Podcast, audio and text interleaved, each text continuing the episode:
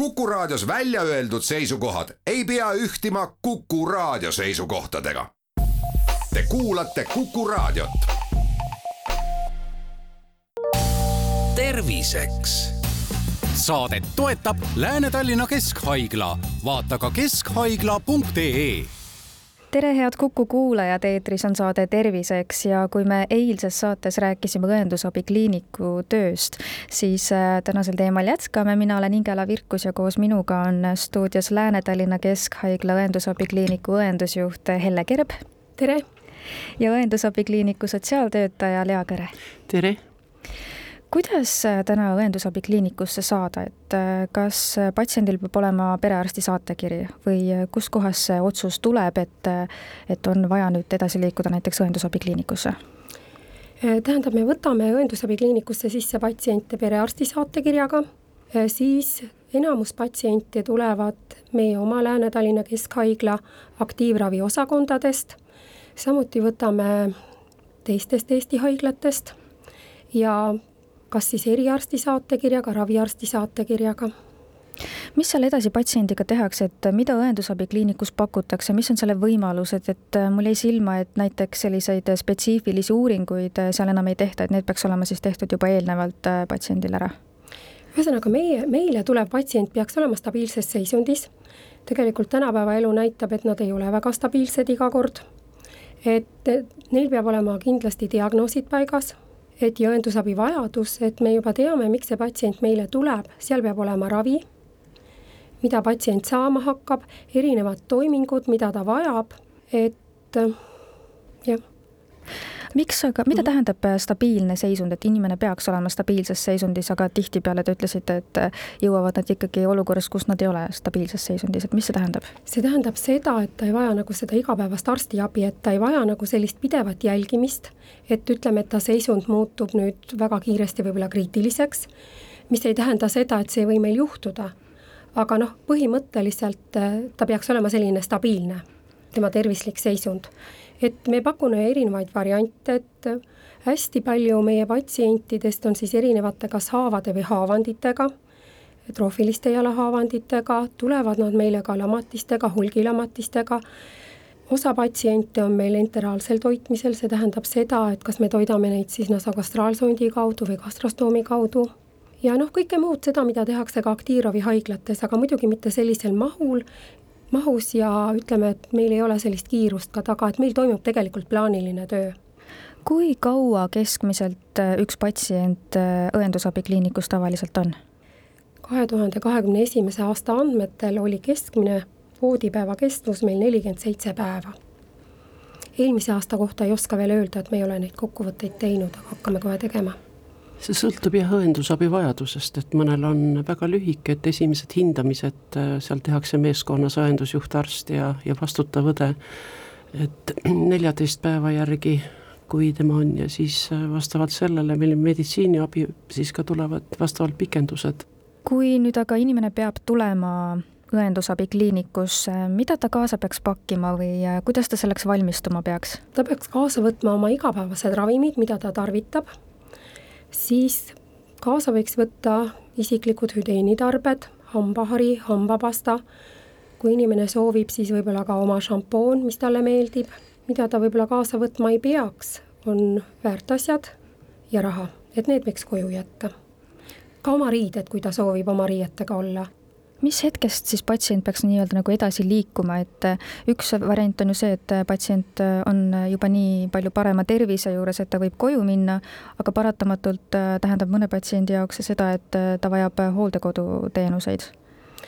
Et kui ta vajab nüüd hooldekoduteenust ja patsiendi lähedased võib-olla mingil põhjusel ei suuda leida seda kohta, et siis tulebki meil mängu sotsiaaltöötaja Lea, kes siis tegeleb nende patsientidega kuidas see töö tavaliselt korraldatud on, et äh, pärast õendusabikliinikus olemist saaks patsient äh, võimalikult kiiresti äh, hooldeasutusse, et sinna ju ka üldiselt on väga pikad järjekorrad? on lähedasi, kes alustavad kohe juba selle noh, läbimõtlemisega, omavahel läbiarutamisega pereringis, et milliseid otsuseid tehakse, kuidas siis üldse edasine see hooldus saaks siis toimida, et kas pereringis suudetakse ise vajalikku abi pakkuda või osaliselt abi, et on vaja siin hooldusteenuseid vaid Tallinnas on ju päris hulga veel erinevaid äh, hooldusfirmasid, kes pakuvad ka juba õendusteenust ja, ja väga eripalgelist siis seda hooldust ja toetust kodus, mis on muidugi jällegi perele tasuline teenus ja sõltub siin jah, mahtudest, et äh, kas see hind läheb ehk kõrgemaks kui hooldekodus hooldamine ja, ja teine on siis need äh, tõesti jah, need keeruline sihtgrupp on siis, kui on nähtud, et õendusabi nagu lõpeb, aga inimene on ikkagi äh, Äh, voodihaige, ta vajab äh, väga suurt mahus hooldust, õendust küll üldse mitte, võib-olla et siin võib-olla mingi tablett anda, aga on vaja siin asendit vahetada ja vahel sööta ja joota, veel pampersi vahetused, et äh, elu, praktiline elu näitab, et kodus väga sageli ei suudeta nii suures mahus seda hooldust siiski tagada. ja vot siis tuleb see otsus teha, et kas siis jätkub õendusabis, osad pered suudavad jah, kuidagi niimoodi, et ise teevad, naaber aitab, leiavad veel tasulise hoolduse kuidagi, aga mitte kõigile ei ole see noh, nagu ütleme endale ka isiksuslikult jõukohane, lähedased sageli ei taha üldse mingeid võõraid inimesi, et ei usaldata üldse nii palju, et veel keegi tuleks.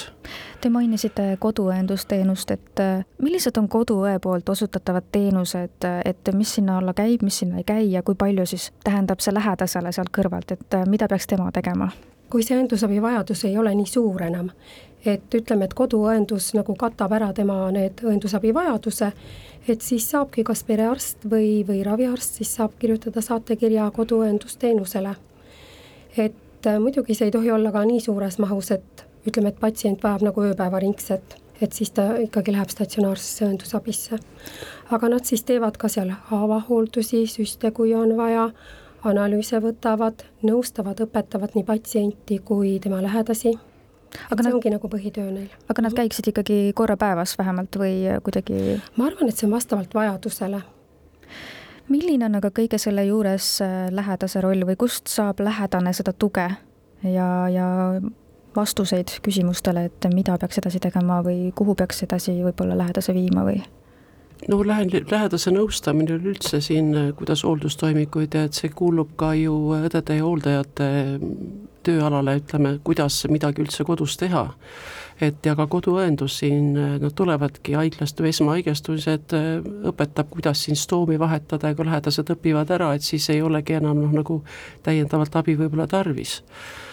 et äh, aga jah, sageli on see noh, mahud, abivajadusmahud, et kui inimene on ikkagi täiesti voodihaige, siis neli korda päevas ju vähemalt tuleb see pampersi vahetus ja asi, et kas siis kõigest nendest äh, nagu piisab, et see küsimus on. et praegu praktiline elu näitab, et, äh, et siiski kõik seda, ütleme, professionaalset abi ei ole sellises mahus, kui just küsimus ongi need niinimetatud neljanda astme hooldus, kes vajavad väga ulatuslikku abi. Et seal võib jääda kodusse lihtsalt väheseks, et Eesti tingimustes ei käi professionaal, ütleme neli-viis korda päevas võib-olla aitamas ja, ja kui ka käib, et siis ta tihtilugu on ikkagi siiski tasulise teenuse lisa, noh nagu valdkonda toel toimuv tegevus et nojah, kui hooldaja või ütleme, lähedane võtabki endale selle kohustuse, eks ole, et ta võtabki oma lähedase mm -hmm. koju, et noh, tegelikult see on nagu mõeldamatu, et üks inimene hooldabki teist kakskümmend neli seitse, et kui ta tõesti, nagu Lea ütles siin ka, et vajab veel pööramist võib-olla iga kahe-kolme tunni tagant, mähkmete vahetamist, söötmist, jootmist, pesemist, et see on ka väga suur koormus lähedastele et ma iga päev noh, vestlen inimestega, et kes ongi, eile käisin üks poeg, et nii kaua ma sain emaga hakkama, kui ma suutsin teda potitoolile veel tõsta. aga et praegu ta ei noh, liiga üldse, et ma olen ise ka seitsekümmend, et ei jõudnud ja, ja ma panen palju tähele, et inimesed nagu justkui tunnevad, osad inimesed kindlasti nagu süütunnet, et teate, ma neliteist aastat nüüd hooldasin oma õde ja, ja sain hakkama, aga nüüd teate, ma olen ise ka juba kaheksakümmend et äh, noh, vajavad ka nagu mõistmist ja kinnitust, et äh, on õigus väsida, et ei peagi jaksama nii palju aitäh saatesse tulemast, Lääne-Tallinna Keskhaigla õendusabikliiniku õendusjuht Helle Kerb ja õendusabikliiniku sotsiaaltöötaja Lea Kõre. terviseks. saadet toetab Lääne-Tallinna Keskhaigla, vaata ka keskhaigla.ee